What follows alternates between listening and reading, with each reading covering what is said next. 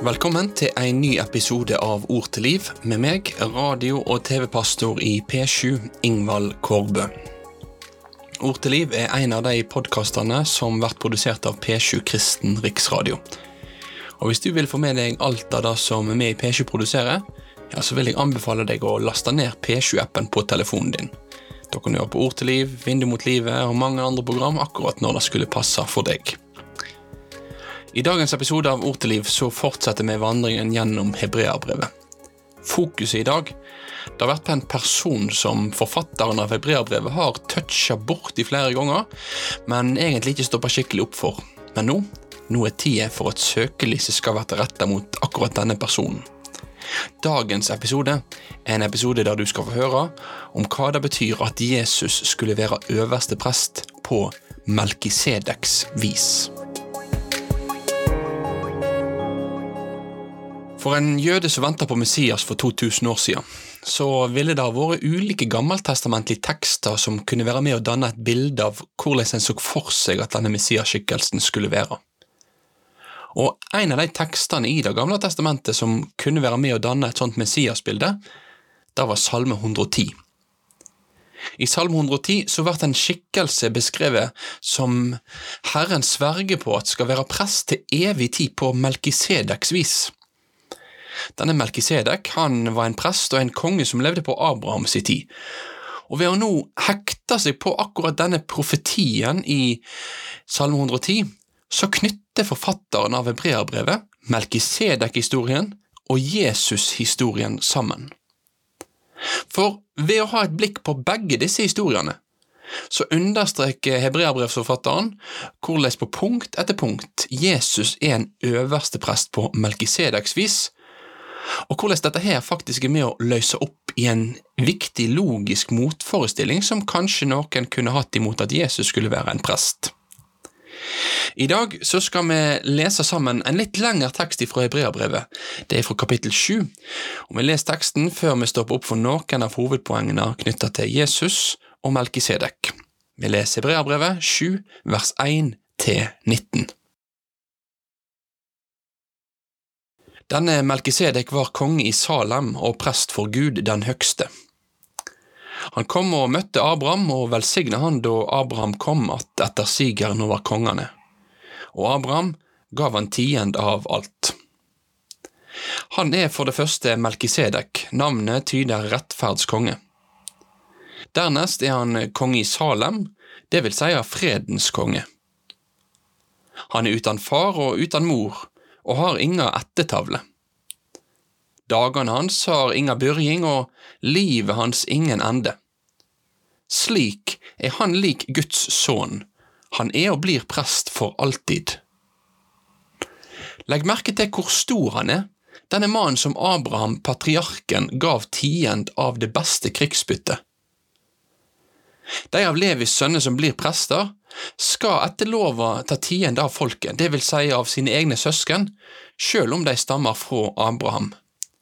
Men Melkisedek, som ikke er av deres ett, tok tiende av Abraham og velsigna han som hadde fått Guds lovnader. Nå kan ingen nekte for at det er den mindre som blir velsigna av den større. Ellers er det dødelige mennesker som tar tiend, men her er det en som får det vitnemålet at han lever.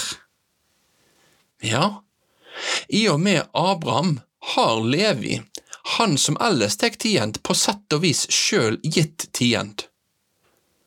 For ennå ufødt var han i sin stamfar da Melkisedek gikk til møtes med han. Dersom en kunne nå det fullkomne gjennom det levittiske prestedømmet, som folket var bundet til ved lova, Hvorfor måtte det da komme en prest av et annet slag, en som blir kalt prest av samme slag som Melkisedek og ikke som Aron? Men når prestedømmet blir endra, er det nødvendig at lova òg blir endra. For han som det her er tale om, hører det til en annen stamme, og ingen fra den stammen har gjort tjeneste ved altaret. Det er velkjent at Vår Herre stammer fra Juda, og Moses har aldri sagt noe om prester fra den stammen.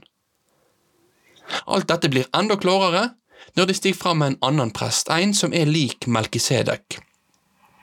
Han har ikke blitt prest gjennom ei lov som krever ei bestemt avstamming, men gjennom krafta i et uforgjengelig liv. Han får da dette vitnemålet. Du skal være til evig tid prest, av samme slag som Melkisedek.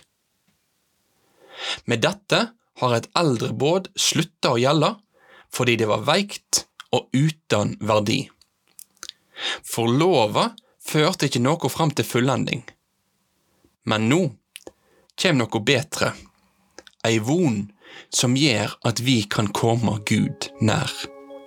Amen.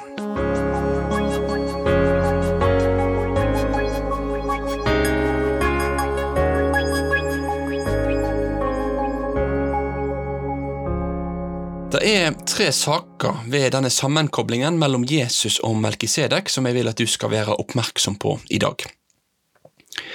Vi kan begynne med det som sto om i starten av dagens tekst, knytta til navnet, tittelen og varigheten av Melkisedeks tjenester.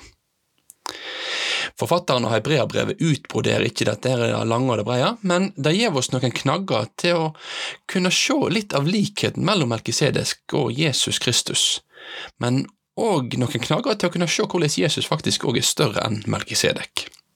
Navnet Melkisedek da betyr rettferdskonge, og ut ifra det vesle som vi leser om han i Det gamle testamentet, ja, så ser jo han ut til å leve opp til dette navnet. Men Det nye testamentet forteller oss i første Korinterbrev at Jesus han har blitt vår visdom fra Gud, vår rettferdighet, hellighet og utløsning. Og når vi møter han i Johannes' åpenbaring kapittel 19 som kongenes konge, ja, da blir han beskrevet som han som dømmer med rettferdighet. Så om Melkisedek var rettferdskonge, hvor mye mer er ikke da Jesus, den nye Melkisedek, den virkelige rettferdighetskongen?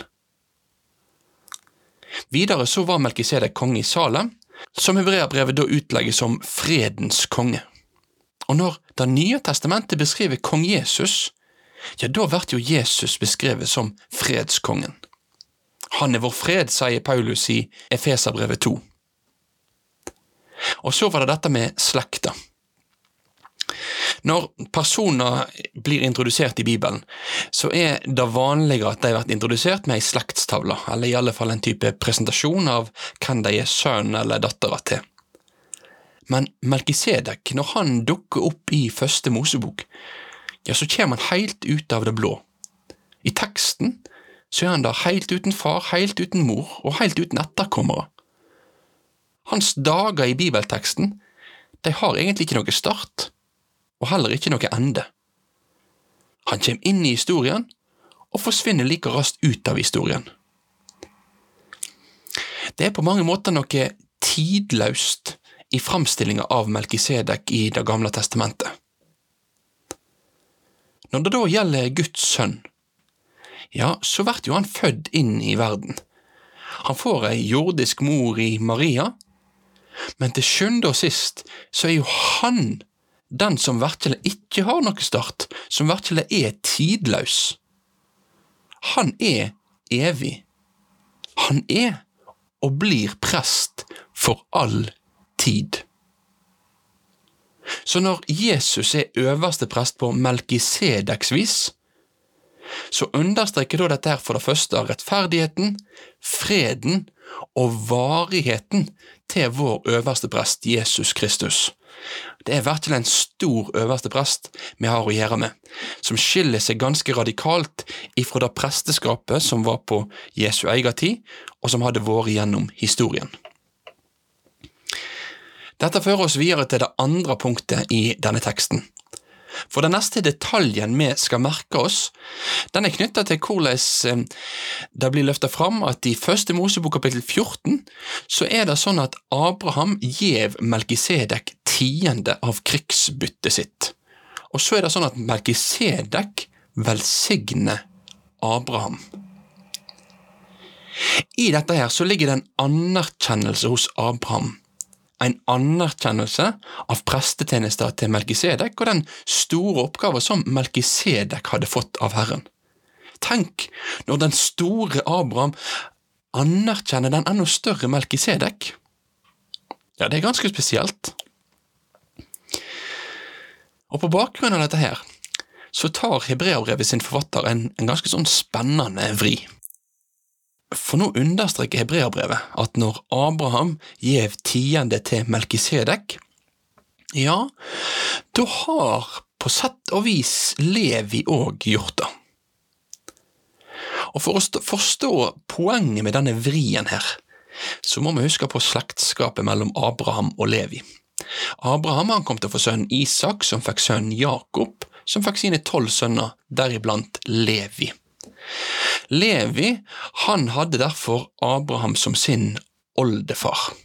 Og det kom til å være Levi sine etterkommere, eller i alle fall noen av Levi sine etterkommere, som skulle bli prestestammer i Israel.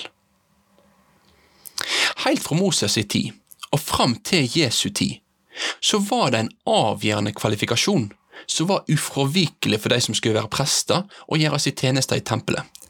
Denne ufravikelige kvalifikasjonen var at de måtte være av Levis stamme.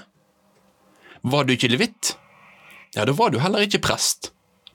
Dette var den loven som gjaldt for israelsfolket. Og det er her det er en mulig logisk motforestilling mot det som hebreerbrevet skriver om. For igjen og igjen så understreker hebreerbrevet at Jesus er den presten som oppfyller, avslutter og erstatter det levittiske prestedømmet i Det gamle testamentet. Han er den endelige presten, den bedre øverste presten. Men det er jo bare et problem, eller en utfordring. Og det er det som blir gjengitt for oss i kapittel 7 vers 14. Der sto det Det er velkjent at Vår Herre stammer fra Juda, og Moses har aldri sagt noe om prester fra denne stammen. Ja, Jesus han var av Judas stamme, den stammen som David kom til å komme ifra, og som også var den stammen som Jesus var en del av.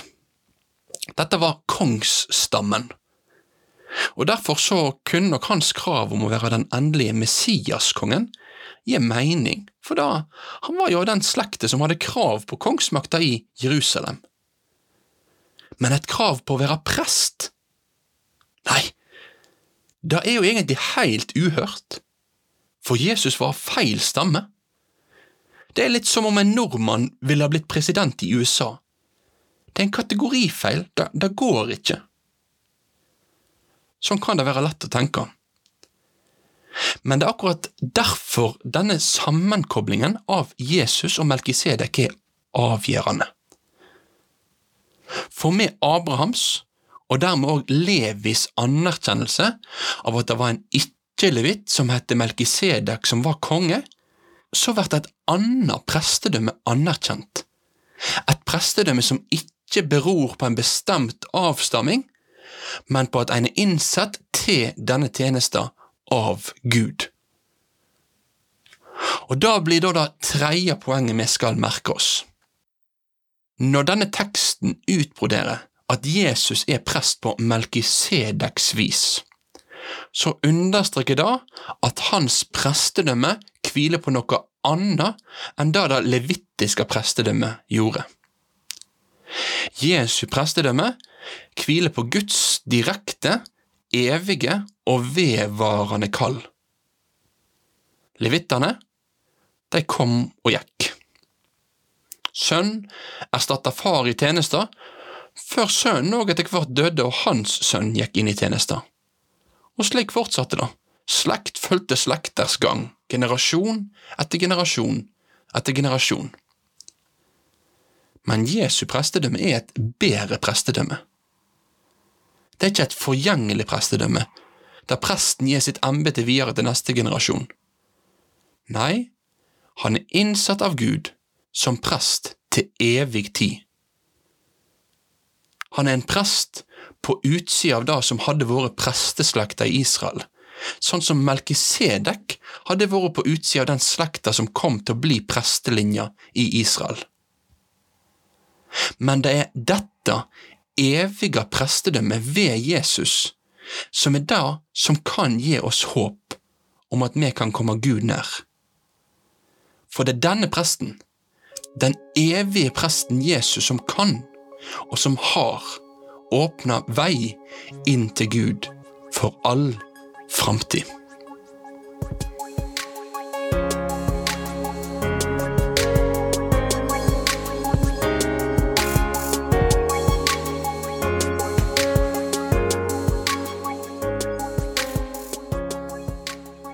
Men da vil jeg si tusen takk for at du valgte å få med deg denne episoden av Ord til liv. Jeg vil gjennom dagens eh, Ord til liv prøve å understreke for deg noe av hva Bibelen forteller oss at ligger i at Jesus er en øverste prest på Melkisedeks vis. Hans prestedømme det er et varig, et evig prestedømme, der vi får eie Guds fred og Guds rettferdighet i og med Jesus Kristus. Følg med videre, så kommer jeg snart tilbake med en ny episode av Ord til liv. Inntil neste gang så vil jeg ønske deg Guds rike velsignelse over dagen, i dag og dagene framover. Mitt navn er Ingvald Kårbø, og jeg arbeider som radio- og TV-pastor i P7 Kristen Riksradio.